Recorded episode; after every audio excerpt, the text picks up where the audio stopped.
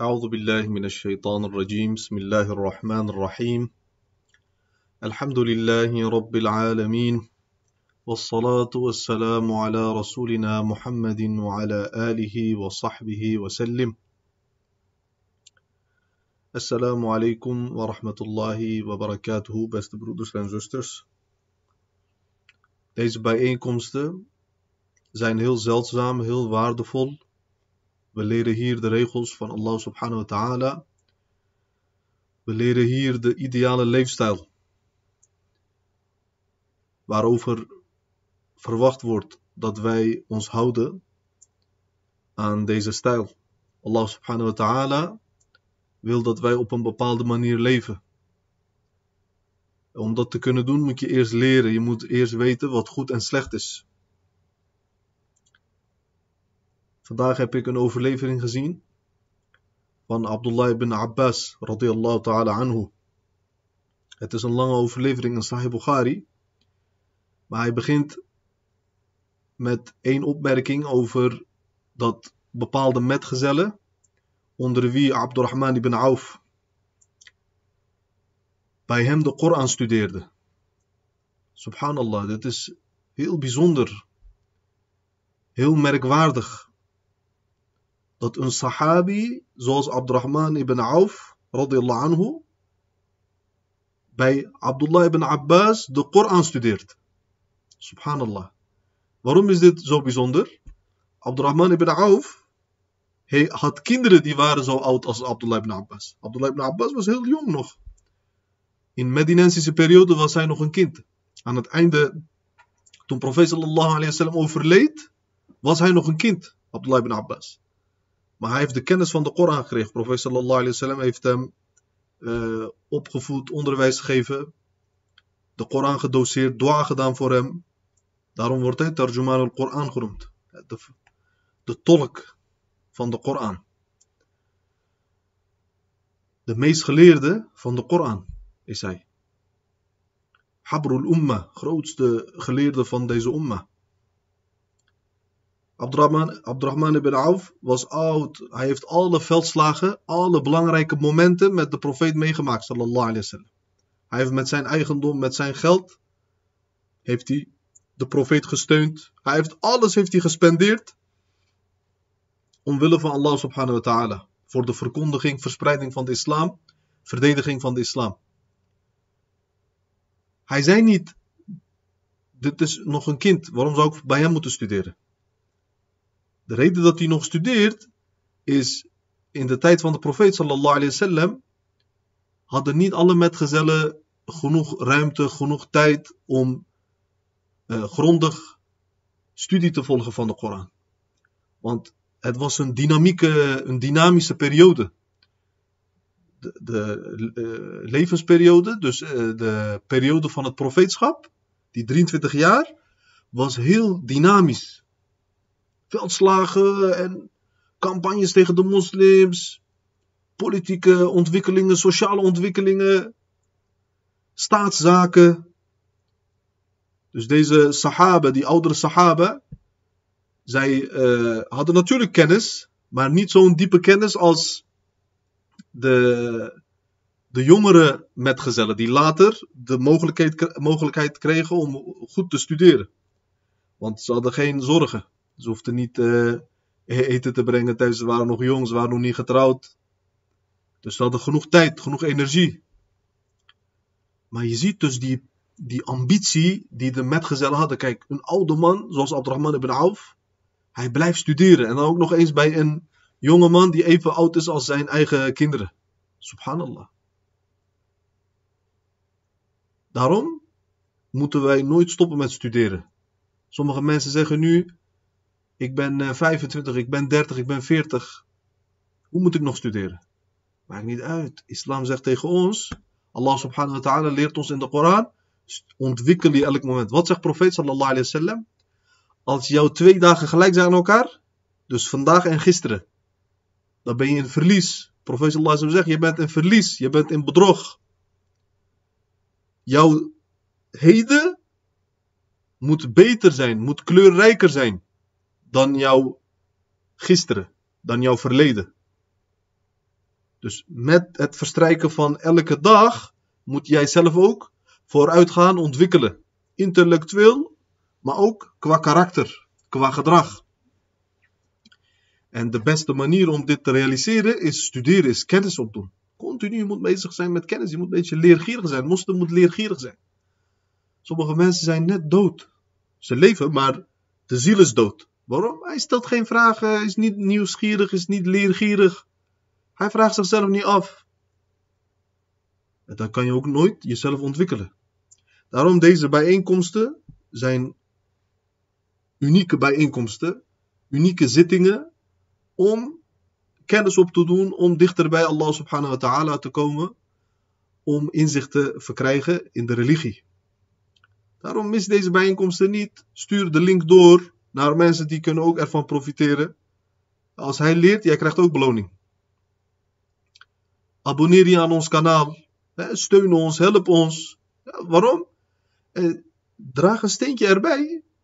Waarom? Wij zijn hier niet, ik ben hier niet uh, reclame aan het doen over mijn bedrijf. Ik krijg geen geld in mijn zak.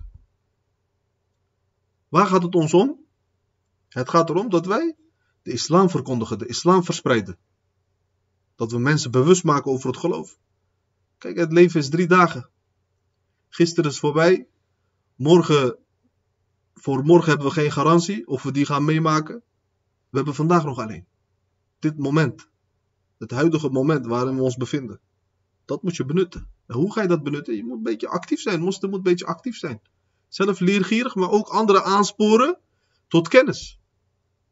Zie je, en op deze manier, inshallah ta'ala, gaan we onszelf veranderen en onze omgeving. We hebben de introductie van Bidayat al-Hidayah hebben we afgerond. Imam Ghazali heeft belangrijke uh, inzichten verschaft aan ons. Alhamdulillah. Daarna hebben we gezegd, we beginnen hierna aan de daden, de goede daden. Wat wordt van jou verwacht in het dagelijkse leven als moslim? Wat moet jij doen om de tevredenheid van Allah SWT te verkrijgen? Goed, Imam Ghazali begint nu. Hij is aan het woord. Luister. Haal mij eruit, ik ben er niet. I'lam, weet, anna awamir Allah ta'ala fara'idu wa nawafil. De bevelen van Allah subhanahu wa ta'ala kan je categoriseren in verplichtingen. Dus hij heeft bepaalde dingen verplicht voor jou gemaakt. En vrijwillige. Dus het is niet verplicht. Maar als je het doet, is het voor jou zelf in jouw voordeel. Fel fardu, fard is, dus wat verplicht is, Imam Ghazali zegt, ra'sul mal. Dat is jouw startkapitaal. Wabihi tahsulun najat. Hiermee verkrijg je verlossing. Als je geen startkapitaal hebt, je bent failliet. Zie, dus dat is jouw basisvermogen.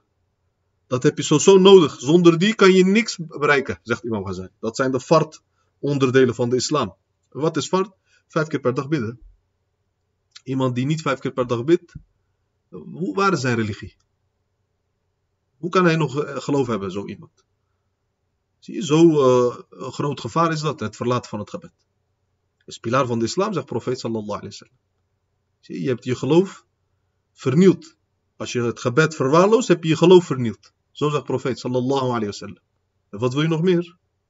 Daarom je moet correct bidden. Je hebt 24 uur van Allah gekregen per dag inclusief witr, al-shafa wal-witr, als je drie rakaat erbij telt. 17 rakaat is fard onderdelen, van de vijf sunnah tel ik niet eens mee. De sunan, uh, sunan rawatib, ratiba tel ik niet mee.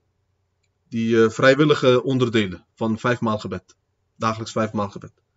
Alleen de verplichte onderdeel is 17 rakaat, plus die drie shafa al-witr, 20 rakaat per dag. Als één rakaat 1 minuut duurt, je komt uit op 20 minuten per dag in 24 uur, als jij 20 minuten geen tijd kan maken voor Allah subhanahu wa ta'ala, en natuurlijk heb je de hel verdiend. Wie gaat dan naar de hel? Als deze niet naar de hel gaat, wie gaat dan naar de hel?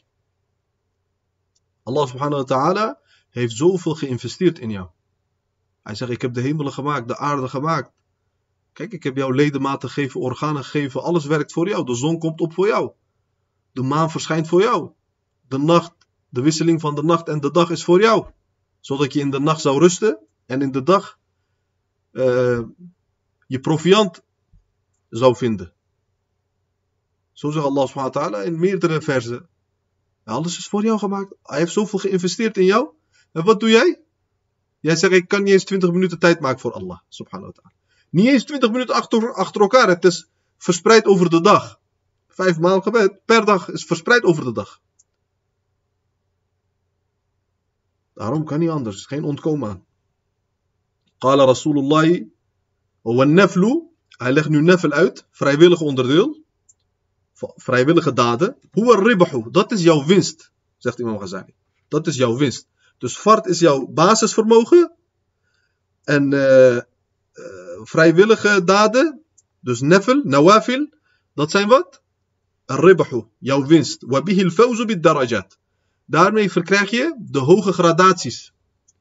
De hoge levels. In het uh, hiernamaals, in het paradijs, verkrijg je daarmee. Qala Rasulullah sallallahu alayhi wa sallam.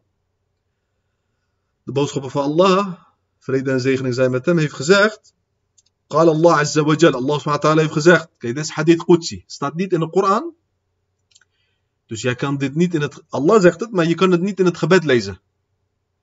Want de goddelijke openbaring kan, kan je in twee categorieën verdelen. Wahi matlu en wahi ghayr matlu. Goddelijke openbaringen die je kan registreren in het gebed en die je niet kan registreren in het gebed. Die we kunnen registreren in het gebed is de Koran. Die we niet kunnen registreren in het gebed, dat is de hadith, hadith Qudsi, al deze berichten, deze overleveringen. Allah SWT heeft gezegd tegen de profeet sallallahu alaihi wasallam dat hij ons moest berichten: Ma taqarraba ilayya mutaqarribun. Degene die nabijheid vinden tot mij, die komen alleen in mijn buurt, spiritueel natuurlijk, zegt Allah Bimithli adai maftarattu alayhim. Met het nakomen van de verplichtingen. Allah SWT zegt, als je echt bij mij in spiritueel nabijheid wil verkrijgen, doe dan uh, de dingen die ik voor jou verplicht heb gemaakt. Voer de bevelen uit. Want dit is de meest ideale manier om uh, spiritueel nabijheid te verkrijgen tot mij, zegt Allah SWT. ولا يزال العبد يتقرب إلي بالنوافل. En de dienaar, die blijft spirituele nabijheid verkrijgen met vrijwillige daden. Dus de beste manier is verplichtingen nakomen.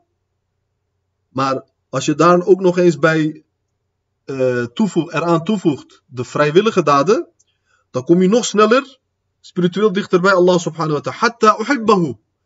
Dan wordt het zoveel. Hij komt dusdanig uh, spiritueel in mijn nabijheid, dat ik van hem begin te houden, zegt Allah subhanahu wa ta'ala. Dan hou ik van die dienaar. فإذا أحببته als ik van hem houd, Kijk, deze grote uh, bevoorrechting, subhanallah. Dat Allah van jou houdt. Dit is de kuur, dit is het recept. Kuntu sam'ahu alladhi yasma'u bih. Ik word het oor waarmee hij hoort. Als je letterlijk vertaalt, dan zeg je het zo. Maar dit betekent natuurlijk niet de letterlijk, hè? dat Allah het oor wordt. Hasha zoals in pantheïsme, zoals ze in bepaalde incarnaties en dergelijke geloven dat God in de mens komt, is niet in die betekenis natuurlijk. Hè. Dit betekent, Allah subhanahu wa ta'ala geeft jouw oor bepaalde eigenschappen die anderen niet hebben. Hij bevoorrecht jou. Jij kan dingen horen die anderen niet kunnen horen. Of dit kan ook betekenen, Allah subhanahu wa ta'ala beschermt jouw oor tegen haram. Hij stelt jouw oren in staat om goede daden te verrichten. Zoals naar Koran luisteren, zoals naar lessen en lezingen luisteren, naar kennis luisteren. Dus hij neemt het zeg maar in dienst. Op zijn eigen pad. Er zijn heel veel interpretaties gegeven in de uitleg van deze hadith door onze grote geleerden in de islamitische geschiedenis. Daarom kunnen we niet te veel uitweiden hierover, maar dit zijn enkele interpretaties die nu in me opkomen. En het oog waarmee hij ziet. Allah subhanahu wa ta'ala zegt, ik bevoorrecht hem met zo één oog, hij gaat dingen zien wat anderen niet kunnen zien. Hij gaat dingen begrijpen wat anderen niet kunnen begrijpen. Wanneer is dat? Als je de verplichtingen nakomt en je gaat vrijwillige daden verrichten. Dan krijg je de liefde, kom je in aanmerking voor de liefde van Allah subhanahu wa ta'ala. En dan gebeuren er, gebeuren er heel bijzondere dingen. Er gebeuren hele bijzondere dingen. Het horen bij jou wordt anders. Het zien wordt anders. Zie je? وَلِسَانَهُ الَّذِي يَنْطِقُ بِهِ De tong waarmee hij spreekt. Hij spreekt alleen de waarheid. Hij liegt nooit meer. Hij spreekt nooit de valsheid. Hij gebruikt zijn tong alleen maar ter verdediging van de islam. En in het prijzen van Allah subhanahu wa ta'ala. In het prijzen van de profeet sallallahu alayhi wa sallam. In het respecteren van de Koran. En de hand waarmee hij vasthoudt. En de voet waarmee hij loopt. Zie je? Dus Allah subhanahu wa ta'ala begunstigt jou met talloze deugden en gunsten die je niet eens in je droom kan zien. Daarom echte uh, bevoorrechting, echte begunstiging is dit eigenlijk. Hè? Dat je met goede daden in de buurt, in de nabijheid, spirituele nabijheid van Allah subhanahu wa ta'ala komt. Dat je in aanmerking komt voor zijn liefde. Daarom zie je toch, profeten, wat doen zij? Zij doen bovennatuurlijke dingen. Omdat ze uh, heel godvruchtig zijn. Ze zijn zo vroom, zo godvruchtig, dat, dat ze zulke uh, begunstigingen krijgen. ولن تصل أيها الطالب إلى القيام بأوامر الله تعالى. Imam Ghazali zegt, je zal zeer zeker nooit uh, in staat kunnen zijn om de bevelen van Allah subhanahu wa ta'ala uit te voeren illa bi muraqabati qalbika. Behalve dan dat je je hart goed in de gaten houdt. Dus uh, je gaat muraqaba doen. Wat betekent muraqaba? Met het hart. Continu bewust zijn, besef hebben. Allah subhanahu wa ta'ala ziet mij. De hel is er. Het paradijs is er. De dood is er. Het leven is kort. Wajawarihika. En met je ledematen ga je ook muraqaba doen. Wat houdt dat in? Dus dat je ledematen beschermt. Tegen haram, tegen overbodige dingen. In elke ogenblikken. In elke ademtochten. Ga je Allah subhanahu wa ta'ala uh, bewust herdenken. Min hini tumsi ila. Van het moment dat je de avond ingaat tot het moment dat je de ochtend ingaat. Dus van de avond tot de ochtend, van de ochtend tot de avond. De hele dag door ga je continu uh, besef tonen, besef. Wat houdt dat in? Met andere woorden, waarom ben ik op de aarde? Deze kritische vraag tegen jezelf stellen. Waarom ben ik op de aarde? Wat wordt van mij verwacht? Ik ben geen dier. Ik ben geen plant. Ik ben geen steen. Allah subhanahu wa ta'ala heeft mij anders geschapen. Hij heeft mij geëquipeerd met uh, speciale eigenschappen, kenmerken, karakteristieken, zoals verstand, ik kan nadenken, zoals spreken, ik kan zeggen wat ik wil. Ik kan woorden, zinnen formuleren. Zie je? En andere vaardigheden die de mens heeft, maar andere wezens niet hebben. Zie je? Op deze manier moet je dus de missie die jou is uh, gegeven, de rol die jou is toebedeeld, moet je daarover besef hebben. Je moet bewust zijn hierover. Ik ben geen dier, ik ben geen plant, ik ben geen steen. Ik moet serieus zijn. Kijk, er is zoveel in mij geïnvesteerd. Zie elk moment bewust zijn van deze feiten. Dat is muraqaba. En nog veel meer natuurlijk. Muraqaba is echt een brede term. Hè? Is een brede term. Kan je niet eens vertalen dit. Je hebt niet eens een dekkend woord hiervoor in het Nederlands. Muraqaba. Dat vereist bladzijde dus uitleg. Alleen dit woord. Arabisch is oceaan. Hè? En nu mensen, ze kennen geen Arabisch niets. Heel simplistisch. Gaan ze de Koran proberen te begrijpen. Gaan ze de hadith proberen te begrijpen.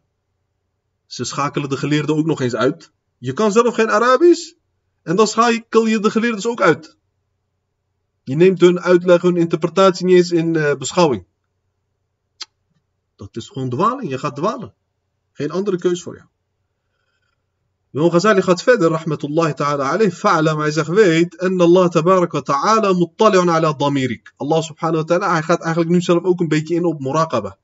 Allah subhanahu wa ta'ala is op de hoogte van jouw innerlijkheid. Van wat in jouw borst verschuilt. Allah weet dat, zegt hij. Subhanahu wa ta'ala. Hij ziet jou van binnen en van buiten. Wat gebeurt er in jouw borst, in jouw hart? Welke gedachten heb jij in je denkwereld? En welke handelingen verricht jij met je uh, ledematen? Allah subhanahu wa ta'ala weet alles. In andere Koran vers Allah subhanahu wa ta'ala zegt: Ya'lamu kha'inat al-a'yuni wa ma tukhfi sudur Allah weet, subhanahu wa ta'ala, het verraad van de ogen. Dus die, die uh, sluwe blikken. Allah subhanahu wa ta'ala kent dat. Er loopt een vrouw langs. Wat doet hij? Met uh, scheve ogen kijkt hij zo naar haar. Zie je, dat is Giyanatul Ain. Het verraad van het oog. Andermans vrouw is de dochter van iemand. Is het zusje van iemand. Is de vrouw van iemand. Is de moeder van iemand. Wat doet hij? Met scheve ogen kijkt hij naar haar. Hij bespioneert, hij bespioneert haar. Bespeurt haar. Zie je? Allah subhanahu zegt, ik weet dat. Ik zie dat. Nu in de zomer, kijk, iedereen loopt half naakt rond. Na'udhu billah. Het is niet eens toegestaan om in zulke ruimtes te komen. Als jij weet, er is fitna ergens, ook al is dat supermarkt of weet ik veel wat, je moet niet daarheen gaan. Je moet wachten, je moet een rustig moment vinden, in de ochtend bijvoorbeeld vroeg of later in de avond. Wanneer natuurlijk uh, wel binnen de openingstijden, uiteraard. Maar je gaat voor jezelf kijken, niet het spitsuur. Precies op het moment dat iedereen buiten is en uh, iedereen is uh, door elkaar heen aan het lopen. De meeste mensen zijn half naakt in deze zomerperiode. En wat heb jij daar te zoeken? En dan loop je te klagen over dit is gebeurd, dat is gebeurd. Maar zo iemand, hij kan nooit zijn religie beschermen. Hij kan nooit zijn geloof, geloof behoeden. Wat zoek jij in zulke dingen? Nu, moslims gaan naar het strand. Hoe kan moslim naar het strand gaan? Dat is onmogelijk. Is niet te begrijpen dit. Allah subhanahu wa ta'ala ziet alles. Hij weet alles. Hij is getuige. ومحيط بجميع خطراتك ولحظاتك وخطواتك. Allah subhanahu wa ta'ala heeft met zijn kennis omsingeld. Wat heeft hij omsingeld? Hij heeft het bevat. Wat heeft hij bevat? Al jouw gedachten, al jouw momenten, jouw ogenblikken, jouw uh, stappen, voetstappen. Allah SWT bevat die allemaal. Allah SWT weet alles. Ya'lamu sirra wa akhfa. Hij weet het geheim. Het geheim diep in jouw borst kent Allah subhanahu wa ta'ala. Niemand weet dat, alleen jij. Hè? Jij denkt, ik weet het alleen. Voor de rest is er geen tweede persoon op de aardbodem die op de hoogte is van dit geheim. Dat denk je maar. Waarom? Allah subhanahu wa ta'ala weet het. En waarschijnlijk weten de twee, die twee engelen ook, Kiram en Katwin weten het ook. Er zijn bepaalde dingen die weten ze niet. Bijvoorbeeld als je in jezelf Allah gaat herdenken, diep in je hart. Alleen Allah weet dat, subhanahu wa ta'ala. Daarom die beloning is ook groter. Zelfs de Kiram en Katwin kunnen dat niet weten. Of je gaat naar de wc. Dat zien ze ook niet, weten ze ook niet. Want zij komen niet mee, zij wachten altijd buiten. Maar als iemand een zonde doet, dan begrijpen ze dat aan de geur. Dan weten ze wat voor zonde jij hebt gedaan. Zie je dus. Zij kunnen ook niet alles weten, maar meeste dingen, daar zijn ze getuigen van. De zondes die jij doet. Daarom geleerden zeggen, iemand die zondes doet als hij alleen is, zijn imaan verzwakt, zijn geloof verzwakt. Waarom? En kijk, geloven in de engelen, is een van de zes pilaren toch van het geloof. Alaihi heeft uitgelegd in hadith Jibril. Iman heeft zes pilaren toch? Een van die is Eerst is al-imanu billah, geloof in Allah subhanahu wa ta'ala. Tweede is bil in de engelen geloof. Deze twee schendt je eigenlijk door zondes te verrichten als je, wanneer je alleen bent. Waarom? En je doet alsof Allah jou niet ziet. Je doet alsof de engelen er niet zijn. Zo gedraag je. Je zei voorheen ik geloof. En kijk, wat doe je nu? Je daden, die spreken, die verlogenen jouw woorden, jouw uitspraak. Daarom het geloof verzwakt door zondes te doen. Dat is de reden. En Allah subhanahu wa ta'ala weet ook alles. Wasa'ir sakanatika. Alle andere rustmomenten van jou. Wa harakatika. Bewegingen die je doet. Fi mukhalatatika wa khalawatika. En uh, wanneer je met andere mensen bent of je bent alleen. Wat ben je dan? Mutaraddidun bayna yadehi. Je bent heen en weer aan het pendelen eigenlijk. In het zicht van Allah. Je bent continu in het zicht van Allah. Waar hij ook naartoe gaat, hij ziet jou. Daarom een uh, leermeester zei tegen zijn leerlingen, hij gaf hun huiswerk, hij zei tegen hun, ik wil van jullie dat je een uh, plant gaat planten, maar ergens waar niemand jullie ziet. In een afgelegen plek gaan jullie dat doen zijn ze gegaan. Daarna zijn ze, na enkele dagen hebben ze die plant gebracht. Die ze hadden geplant. Maar een van de leerlingen is met niks gekomen. Die leraar zei, waarom heb je niet uh, je plant meegenomen? Hij zei, ik heb het niet gedaan. Waarom heb je niet gedaan? Eh, u zei dat, je, dat ik het in een afgelegen plek moest doen. Maar ik heb geen afgelegen, afgelegen plek kunnen vinden. En hoe bedoel je? Allah ziet mij overal. Hij is met mij overal. Zie je? Subhanallah. Dat is inzicht. فلا يسكن في الملك والملكوت Er is niets in de heerschappij, in het domein van Allah subhanahu wa ta'ala. In de hemel of in de aarde. In het koningschap. In het koninkrijk van Allah subhanahu wa ta'ala. Sakinun, niets wat stilstaat. Wala yataharraku mutaharrikun. Ook niets wat beweegt. Wa jabbaru samawati wal ardi muttali'un alayh. Behalve dan dat Allah die jabbar is, zegt hij. De jabbar van de hemel en de aarde. Wat betekent dat jabbar? Hij, Allah subhanahu is al-jabbar. Komt van jabber, betekent dwingen. Als Allah wil, subhanahu wa ta'ala, hij dwingt jou om iets te doen. Je kan jezelf niet verlossen van Allah, subhanahu wa ta'ala. Oké, hij heeft ons nu vrijheid gegeven. Vrijheid van keuze geven. Ook al is het een beperkte keuze. Want de mens kan niet alles. Waarom is het beperkt? Je kan niet alles. Hè? Kan je nu zeggen, ik wil uh, zonder middel vliegen, uh, stijgen naar de Mars? Kan niet. Wat je als mens kan doen is beperkt. Snap je? Maar je hebt wel je eigen keuze als jij wil. Jij luistert nu naar deze lezing. Als jij wil, jij kijkt naar een tv-serie. Jij kijkt naar een film. Die keuze is aan jou. Allah subhanahu heeft jou die mogelijkheid, die ruimte gegeven. De vraag is, hoe ga je ermee om natuurlijk? Daarom word je er ook voor beloond of bestraft. Dat is een ander verhaal. Maar uh, als Allah subhanahu wa ta'ala zou willen, wat had hij gedaan? Hij zou bijvoorbeeld zeggen, wanneer de gebedstijd ingaat, krijgt iedereen kiespijn of buikpijn. En als je hebt gebeden, is je kiespijn weg. Zelfs ongelovigen zouden bidden. Als ze wisten, als ik nu bid, ook al gelooft hij niet, hij weet, als ik nu bid, als ik deze handelingen verricht, dit ritueel uitvoer, gaat mijn kiespijn weg. Wie zou het gebed niet doen? Zeg maar tegen mij, wie zou het gebed niet doen? Zelfs de atheïsten zouden bidden. als Allah subhanahu wa ta'ala wil, hij dwingt jou ook om uh, goede daden te verrichten, om aanbiddingen te verrichten. Dat is al-Jabbar. Of we zien dat hij bijvoorbeeld wraak neemt van bepaalde tirannen, die de mensen terroriseren, die het land terroriseren, die mensen vermoorden, die stelen, die bedriegen. Kijk maar wat is met uh, gebeurd. Kijk maar wat is met Qarun gebeurd. Namrud is doodgegaan door één vlieg. Door één alleen vliegende vlieg. Alleen vliegende mug. Een zielige bij kan ook.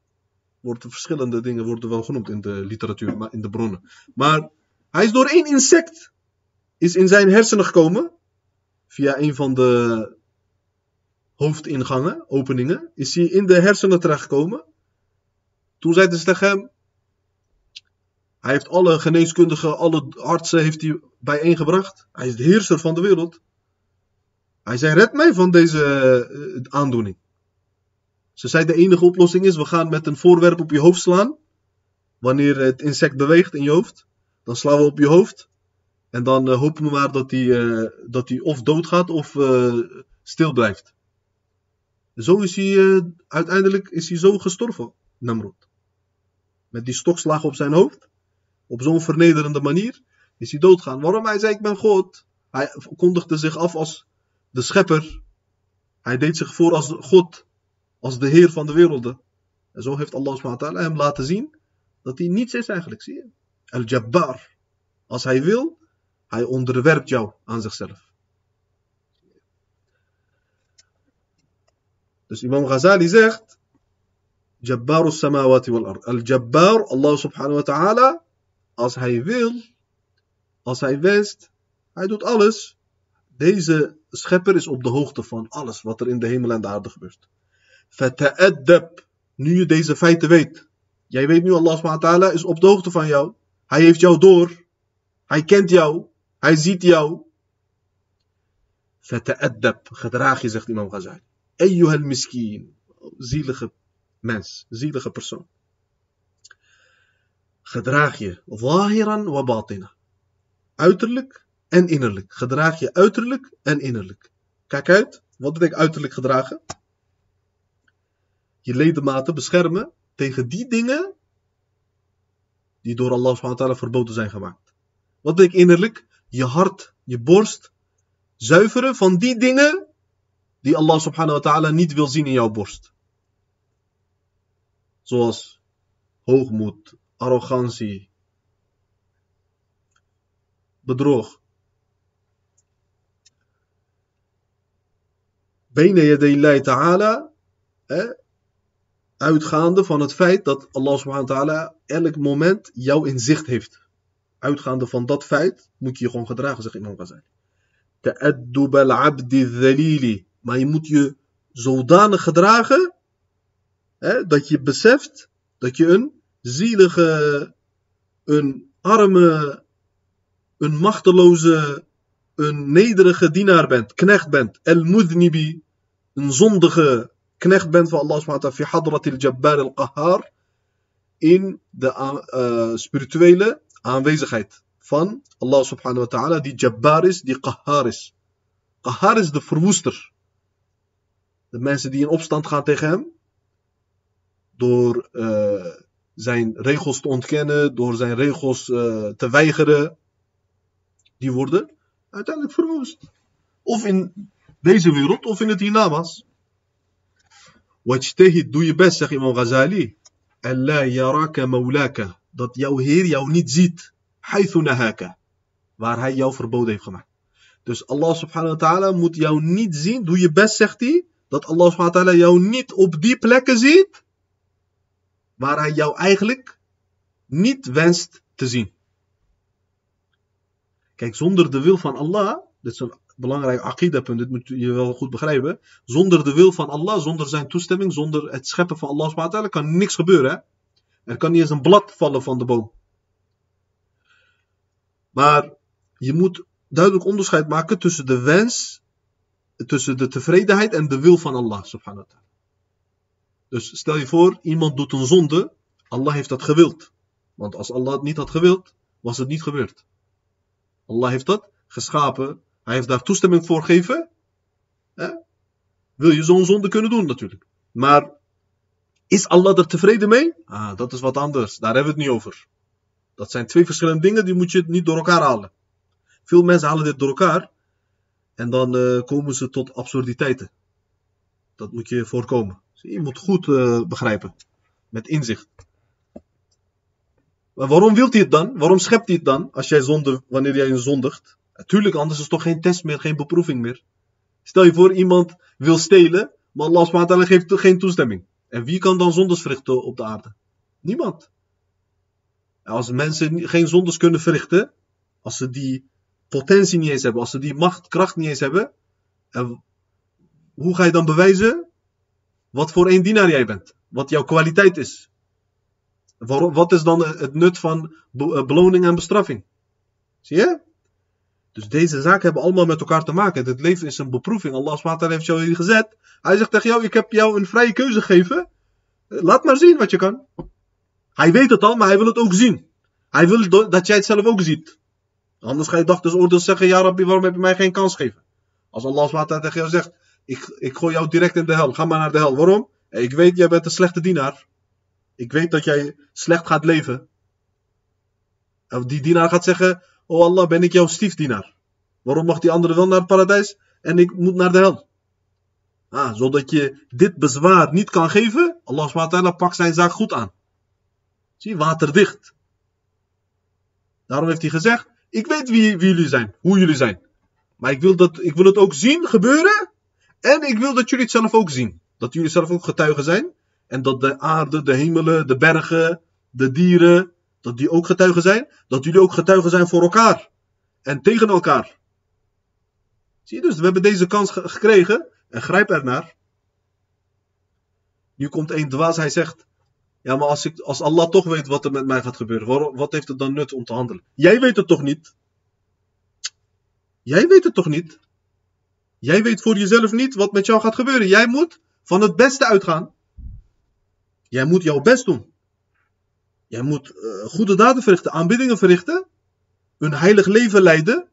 Wil je in aanmerking komen voor de tevredenheid van Allah, voor de genade, voor het paradijs van Allah subhanahu wa ta'ala. Maar als jij bijvoorbeeld met een voetbalwedstrijd, dan doe je het niet hè. Deze mens is echt oplichter. Grote bedrieger is de mens. Kijk wat, hoe die denkt. Maar als hij een voetbalwedstrijd speelt, je weet, uh, twee spelers van jou hebben rode kaart gekregen. Jij bent met negen mensen, acht mensen, negen mensen. Uh, het team voor jou is een goed team, is een sterk team. Ze zijn met z'n elfen.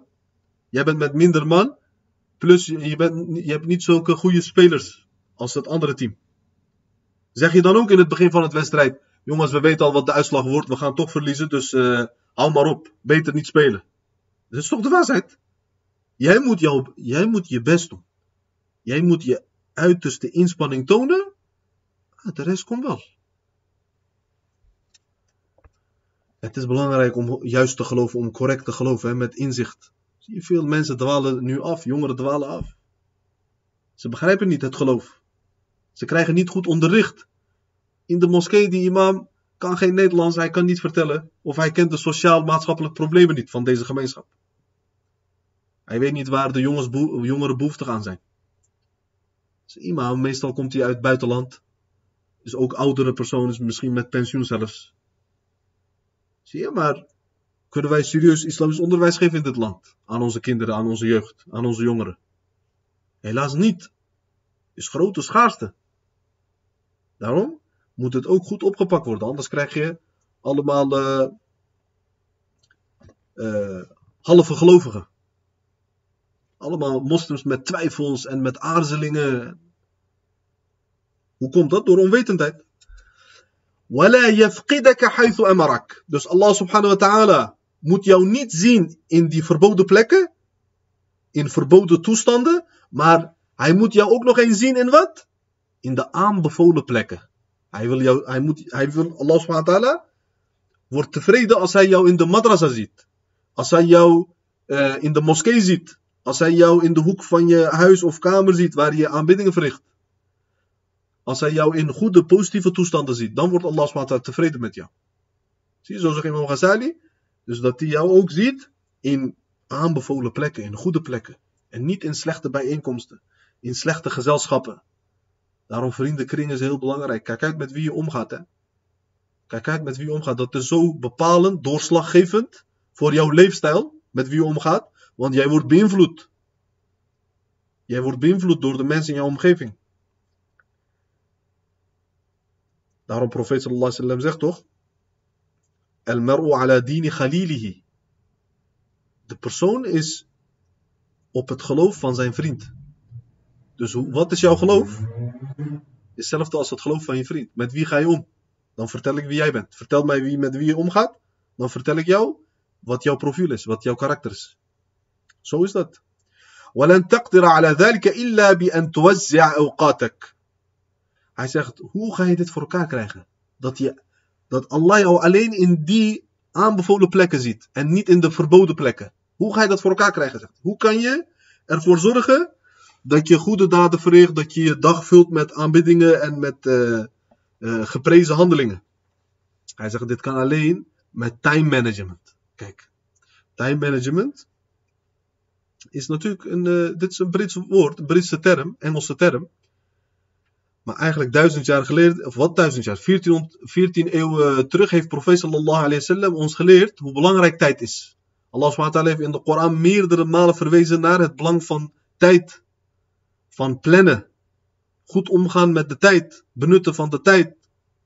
Zie je, time management is eigenlijk iets wat wij hebben, wat moslims hebben ontwikkeld. Hierover zijn ook veel boeken geschreven van de geleerden. Hoe moet je omgaan met je tijd? Dat gaat Imam Ghazali ons ook gedeeltelijk in dit boek leren.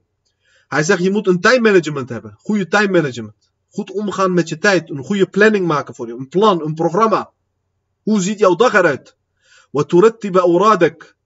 Je moet voor jezelf goed organiseren wat je wanneer gaat doen.